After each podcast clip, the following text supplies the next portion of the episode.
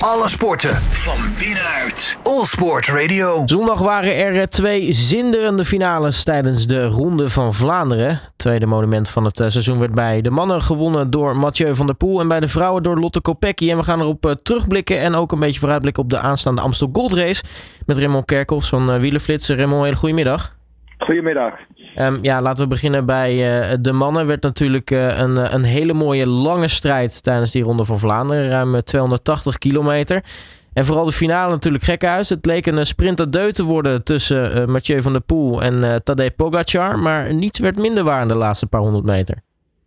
Het was echt een hele bijzondere ontknoping. En uh, ja, we hebben dat wel vaker in de wielerwedstrijden gezien. Uh, op een bepaald moment uh, gaan de koplopers, de tweede, Mathieu van der Poel en Tadej Pogacar, een soort surplus. Ze gaan langzamer rijden om elkaar uit te dagen voor die sprint. Ja, en eigenlijk heeft de renner die op kop zit dan altijd het voordeel. Want die kijkt naar achteren ten eerste wanneer zijn renner achter hem, dus in dit geval Tadej Pogacar, gaat aanzetten. Maar Mathieu van der Poel kon daardoor ook zien hoe rap uh, Dylan van Baarle en uh, Madouas, de Fransman, uh, naderden. Dus hij kon die snelheid perfect inschatten. We zien dan wel dat Pogacar ook twee keer heeft achterom gekeken waar de achtervolgers bleven. Maar als je net vluchtig twee keer maar kijkt, dan heb je die snelheid toch niet zo in de gaten. En ja, dat maakt uiteindelijk het verschil. Mathieu van der Poel die zet op tijd, op 230 meter van de streep, zet hij zijn sprint in. Ja, en Pogacar is net een fractie van een seconde te laat. Wordt ingehaald door die twee. En vervolgens komt hij daardoor ook vast te zitten. Uh, eigenlijk een beetje ingesloten. En verliest hij gewoon de hele wedstrijd. Ja, en daar was hij uh, zelf uh, absoluut niet blij mee. Sterker nog, hij is met zijn fiets door de mixzone heen gereden en, en naar de bus toe van zijn, van zijn team. Uiteindelijk gaf hij wel na afloop natuurlijk nog wel een, een reactie toen hij bij de bus was. Maar ja, eigenlijk, het, het, het, het was eigenlijk ook een beetje zijn eigen fout door, uh, door dat eigenlijk verkeerd in te schatten. Ja, 100 procent. En uh, in eerste instantie was hij met name boos op Dylan van Balen, die achter Mathieu van der Poel uh, tweede werd. Dus de eerste twee plekken waren keurig voor de Nederlanders. maar toen hij in de bus was geweest en hij had gedoucht, dus een twintigtal minuten later, ja, toen gaf hij ook aan, hij kan op niemand boos zijn. Ik kan alleen maar gefrustreerd zijn hoe ik zelf heb gereden. Dus wat dat betreft was hij wel heel fair. Ja, en uh, sowieso dat Dylan van Baarle tweede wordt is natuurlijk al uh, helemaal te gek naast, uh, naast Mathieu van der Poel. Want zelf had hij dat ook absoluut niet verwacht, hè? Nou, als je het over Van Baarle hebt, hij werd tweede op het wereldkampioenschap vorig jaar in Leuven. Dus hij was wel, heeft het hele voorjaar toegeleefd naar de monumenten. De Ronde van Vlaanderen en straks over twee weken Parijs-Roubaix. Dat zijn zijn grote doelen. Dus wat dat betreft, uh, hij had voor zichzelf heeft hij wel de hele winter volgehouden. Ik wil dit jaar in die grote klassiekers voor de podiums meestrijden.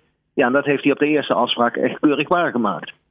Ja, sowieso voor uh, was het zijn eerste ronde van Vlaanderen.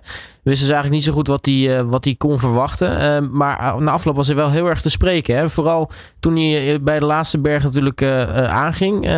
ja, dat, dat was natuurlijk helemaal knap wat hij daar liet zien. Hoe makkelijk die wegreed bij de rest en iedereen inhaalde. Ja, die is echt op het ogenblik veruit de beste wielrenner uh, die, er, uh, die in het peloton hebben rondrijden. Tweevoudig toerwinnaar die ook op de kasseien en Vlaanderen gewoon echt de dienst uitmaakt. Matje van der Poel zegt, ja, ik zit echt op diverse punten. Maar zeker op de laatste keer uh, Paterberg heb ik behoorlijk in de problemen gezeten. En stond ik echt op het punt om te lossen. ja, dat is Pogacar net niet gelukt. Maar eigenlijk wat ik zelf het allermooiste vind is, dat we twee renners van voren hebben gezien die de koers hebben gemaakt met Mathieu van der Poel en Tadej Pogacar die eigenlijk altijd aanvallend zijn. Als je bijvoorbeeld naar de Strade Bianchi, die wedstrijd over die grindweek in Toscane, die uh, in maart altijd verreden wordt, die wist uh, te winnen na een solo van dik 50 kilometer. Ja, en van Van der Poel weten we ook dat het iemand is die op 70, 80 kilometer van de streep soms al in de aanval gaat en de koers maakt. Dus wat dat betreft hebben twee kampioenen die het publiek altijd amuseren, ja, die hebben ook deze strijd fantastisch gekleurd. Ja, dan hadden we uh, nou, ongeveer denk ik een, een half uurtje na de finish van de mannen nog een spannende ontknoping ook bij de, de vrouwen. Uh, en daar was het uh, een, een, soort van ja, ploegenspel wat eigenlijk door, door SD Works het beste werd, werd uitgespeeld. Waardoor nou ja, Lotte Kopecky ja, toch de Belgische eer hoog wist te houden in de Ronde van Vlaanderen. Ja, fantastisch. De tweede Belgische uh, winnares van de Ronde van Vlaanderen. Ook nog eens in de kampioenstrui van België. Dus wat dat betreft uh, was het echt uh, een feest op de hoogmis, zoals ze in Vlaanderen de, hun ronde noemen. en inderdaad, wat jij zegt, Team SD Works is een Nederlandse ploeg. Is voortgekomen van Boels Dolmans. Een ploeg die al jaren eigenlijk de nummer 1 van de wereldranking bij het vrouwenwielrennen is. Ja, en die hebben die, die wedstrijd echt in een houtgreep genomen. De Zwitserse Mallen Reuser, die was heel sterk. Die opende. Maar toen uiteindelijk op de laatste keer Paterberg Annemiek van Vleuten ging, toen reageerde zowel Lotte Kopecky als Chantal van, van den Broek Blaak. Ja, en toen zat uh, Annemiek van Vleuten toch wel ingesloten. Uh, twee rensters van team SD Works. Waarbij Chantal uh, Blaak zich onmiddellijk opofferde voor Lotte Kopecky. best wel bijzonder, want Chantal Blaak wist twee jaar geleden nog de Ronde van Vlaanderen te winnen. Dus is eigenlijk ook een, renster die een enorm goede naam in het peloton heeft. Een grote kampioene. Ja, maar ze heeft geen moment getwijfeld en zich weggecijferd voor de snellere Kopecky. Ja, en die maakte het fantastisch af. Dus ja, inderdaad, wat jij net zegt fantastisch ploegspel. Ja, want Annemieke van Vleuten gaf uh, na afloop ook, uh, ook toe van ja, Lotte Kopecky is gewoon in een sprint sneller. Dus ze moest er alles aan proberen om nog van tevoren weg zien te komen. Maar ja, toen het eenmaal de Paterberg voorbij was, wist, wist zij eigenlijk al wel een beetje van nou, dit, dit gaat wel heel erg lastig worden. Ja, maar we hebben die twee ook precies van voren gezien in de Strade Bianchi. Uh, op dat moment was het ook Annemiek van Vleuten die op de heuveltjes en zeker op die steile muur in Siena zelf uh, demareerde. Maar Kobecky bleef zich echt compleet toen vast op haar achterwiel. Ja, en nu zag je ook op het moment dat Van Vleuten uh, op de bergen als de Kwagemond, uh, de Koppenberg en uh, de Paterberg demareerden. Kopecky zat continu in haar wiel. Dus het lukte Annemiek van Vleuten niet om die Kopecky af te schudden. Ja, en dan als het op een sprint aankomt, is de Belgische gewoon rapper. En eist ze de overwinning op. Dus wat dat betreft heeft Annemiek daar wel een, een zware dopper aan. Uiteraard eh, ging het eh, na afloop in de interviews vooral over uh, natuurlijk uh, het derde monument wat gereden gaat worden, Parijs-Roubaix, over twee weken. Maar volgende, of dit weekend, eigenlijk aanstaand weekend, is natuurlijk ook de Amstel Gold Race. Dat is voor ons Nederlanders natuurlijk ook een, een stukje leuker. natuurlijk ook een mooie voorjaarsklassieker. Wat kunnen we daarvan eigenlijk gaan verwachten? Ja, het is wel bijzonder, want voor het eerst eigenlijk in de geschiedenis vindt de Amstel Gold Race plaats in het weekend na de Ronde van Vlaanderen. Dat komt omdat Parijs-Roubaix op deze datum niet verreden mocht worden dit jaar. Omdat zondag uh, de Franse presidentsverkiezingen zijn. Christian Prudhomme, de organisator, tevens ook de, de organisator van de Tour de France, die heeft toen bij uh, de Amsterdam Gold Race aangeklopt.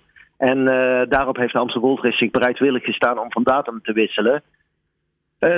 Misschien niet eens zo slecht, want je ziet nu heel veel renners die normaal na Parijs-Roubaix in de remmen knijpen. Ja, die denken nu van ja, twee weken geen koers uh, tussen Vlaanderen en Roubaix, dat is lang. Dus laten we die Amstel Gold Race toch maar weer rijden. Ja, en dat geldt bijvoorbeeld ook voor Mathieu van der Poel.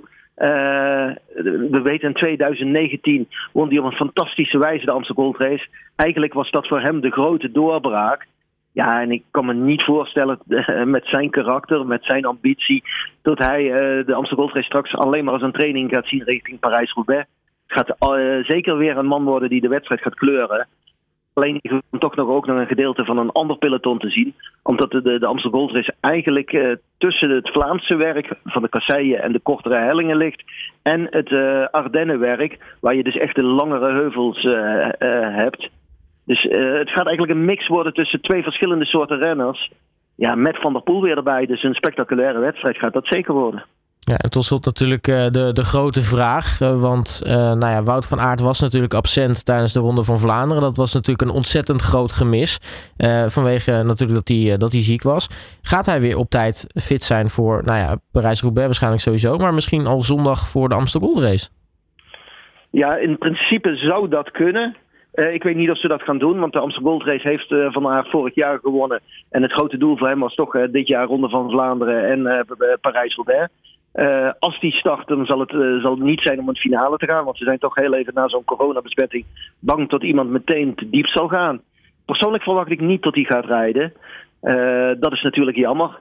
Maar anderzijds, het is natuurlijk verschrikkelijk wat Wout van Aert is overkomen als je het hele voorjaar zo toewerkt naar, naar zo'n klassieker, zeker zo'n ronde van Vlaanderen. Ja, en als je dan drie dagen van tevoren wordt getroffen door een coronabesmetting, ja, heel triest. Uh, dus ik denk dat hij nu geen enkel risico gaat nemen en alles op Parijs-Roubaix gaat zetten. En dan hopen we dat we hem daar weer kunnen zien stralen. Raymond Kerkhoffs, mag ik je hartelijk danken voor, voor je, je terugblik natuurlijk op, op de Ronde van Vlaanderen. En spreek je natuurlijk snel weer. Graag gedaan. Alle sporten van binnenuit. All Sport Radio.